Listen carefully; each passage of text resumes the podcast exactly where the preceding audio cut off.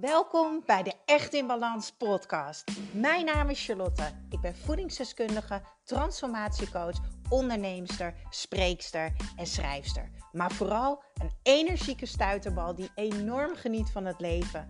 En ik gun het jou ook. En dat is dan ook mijn missie: om jou te helpen naar meer energie, rust in je hoofd en een leven echt in balans. Ik neem je mee in mijn dagelijkse routines, mijn persoonlijke reis naar de echte ik en mijn ondernemersavontuur. Maak je klaar voor een dosis positieve energie.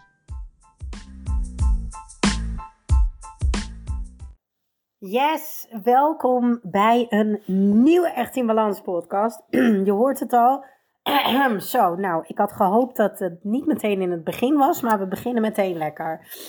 Ik heb uh, voorhoofdvoetontsteking. Tenminste, ik ben herstellende. Ik voel me al een stukje beter, maar nog niet op en top.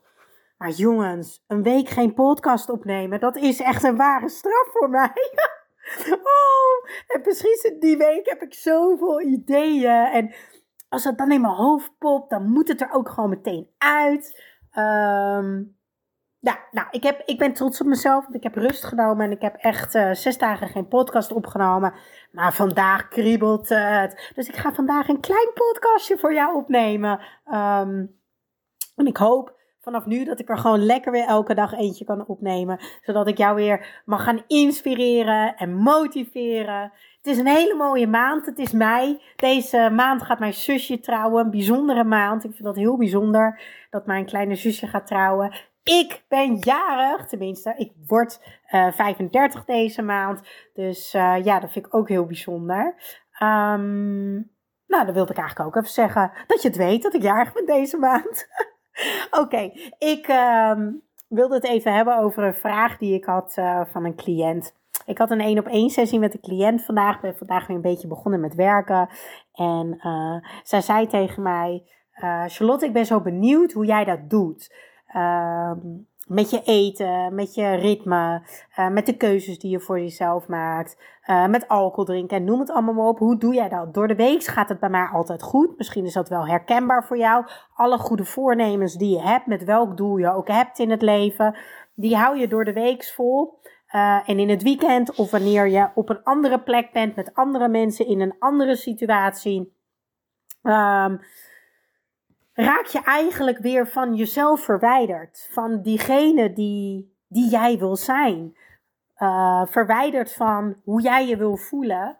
Uh, en doe je niet de dingen die eigenlijk belangrijk zijn voor jou. Waardoor je achteraf altijd weer baalt van jezelf. En dan komen we weer in dat negatieve spiraal.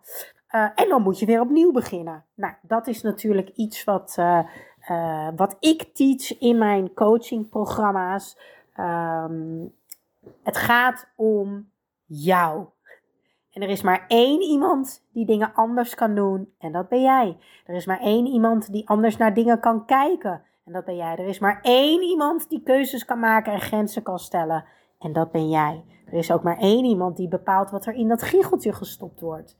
Ook dat ben jij. Um, ik heb deze podcast een briljante naam gegeven, al zeg ik het zelf. In elke situatie is verandering mogelijk. In elke situatie is verandering mogelijk. Um, en toen kwamen we bij het volgende punt, want deze cliënt is bevallen en die gaat eerder weer aan het werk. Die is alleenstaand, uh, dus ze heeft drie kinderen. Ze gaat weer werken ook. Um, en ze zei: hoe kan ik er nou voor zorgen dat ik niet de tijd en de energie kwijtraak en dat ik verval in oud patroon? Vond ik ook heel interessant. Ik ga vandaag met jou delen wat ik tegen haar zei in de sessie. Ik zei tegen haar: dus op het moment dat jij weer gaat werken, ben jij dus eigenlijk niet meer belangrijk. Dat is eigenlijk wat je zegt. Want je neemt tijd voor jezelf. Hè? Uh, je doet de goede dingen voor jezelf, waardoor je energie hebt. Um, maar zodra je weer drukker wordt, doe, doe jij er niet meer toe. En is alles en iedereen belangrijker dan jij. Hè? Dus ja, als je kinderen hebt, dan zijn je kinderen altijd belangrijker. Ben ik het overigens niet mee eens. Want als jij goed voor jezelf zorgt, dan kan jij die fantastische moeder zijn met het allermooiste voorbeeld.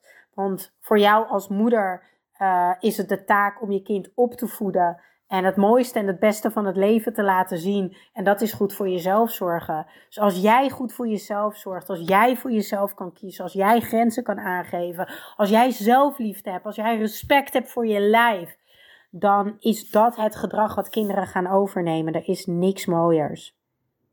Ik zei tegen haar: wat doe ik in situaties? Dus stel ik heb ineens een week waarin het veel drukker is met werk dan normaal. Of ik heb een week waar ik weg ben voor werk en in een hotel slaap en dus ander eten heb, andere mensen om me heen heb, een ander bed, een andere omgeving. Of we hebben het over iets kleiners op het moment dat ik een verjaardag heb.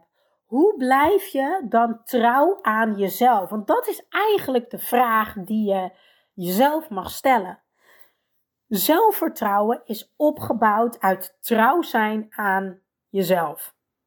Trouw zijn aan de dingen die voor jou belangrijk zijn. Aan jouw verlangens, aan jouw wensen, aan jouw prioriteiten. Aan wie jij wil zijn en hoe jij je wil voelen. Super belangrijk. Dus ik zei tegen haar: Wat ik doe is aan de tekentafel zitten. En dat is letterlijk: ga aan een tafel zitten, want dat is een actieve houding. Pak een groot wit vel papier, pak een schrijfboekje en schrijf eens voor jezelf op. Wat is het probleem eigenlijk? is het dat je druk bent, dat je geen tijd hebt, dat je in een andere situatie bent met ander eten, andere mensen? En schrijf dan voor jezelf op. Maar waar verlang jij dan naar? Wat, wat, wat wens jij? Wat wil jij graag? Wat is voor jou belangrijk? Zodat het bijdraagt aan wie je wil zijn en hoe je je wil voelen. En stel, dat is echt het probleem wat jij hebt opgeschreven. Wat is het gevolg van als je niks aan dat probleem gaat doen? Dus stel, je gaat door de week lekker, je wil afvallen, je wil lekker in je vel zitten. Door de week ga je lekker, maar in het weekend zijn het elke keer die croissantjes, verjaardagen, borrels, bla bla bla. Wat is het gevolg van als je dit gedrag niet gaat doorbreken? Dat je misschien blijft aankomen. Dat je nooit blij gaat zijn met je lijf. Dat je altijd blijft balen van jezelf omdat het je nooit is lukt. Hetzelfde met als je weg moet voor werk. Of als je in één keer een nieuwe baan hebt. Schrijf dat eens voor jezelf op. Want in elke situatie is verandering mogelijk. Maar je moet wel inzicht krijgen. En door aan tafel te gaan zitten en door het uit te schrijven, ga je uit je hoofd en komt het op papier. Dan krijg je overzicht over de situatie. En dan kan je jezelf goede vragen stellen. Wat kan ik in deze situatie doen om me zo goed mogelijk te voelen? Om zo dicht mogelijk bij mezelf te blijven. Wat kan ik in deze situatie doen? Om me zo goed mogelijk te voelen en om zo dicht mogelijk bij mezelf te blijven. Hele mooie, sterke vrouwen. In, vrouwen, hoor mij nou. vragen. Vrouwen. Ja, we zijn ook sterke vrouwen, maar hele mooie, sterke vragen. Dat is wat ik wilde, wat ik wilde zeggen. Nou, je hoort het al, ik ben nog steeds een beetje ziekig. Een podcast van acht minuten en ik begin al te struikelen over mijn woorden. Dus uh, ja, ja, deze meid krijgt van haar lichaam alweer een signaaltje. Jij moet even lekker je mond houden en in de chill-modus gaan. Dus dat is wat ik ga doen. Ik ga in de chill-modus in de tuin. Schrijf de vragen op, luister deze podcast nog een keer. Want jij kan de touwtjes altijd in handen nemen. Altijd, altijd, altijd. Want in elke situatie is verandering mogelijk, mits je overzicht krijgt en nieuwe keuzes gaat maken. Yes? Doei doeg!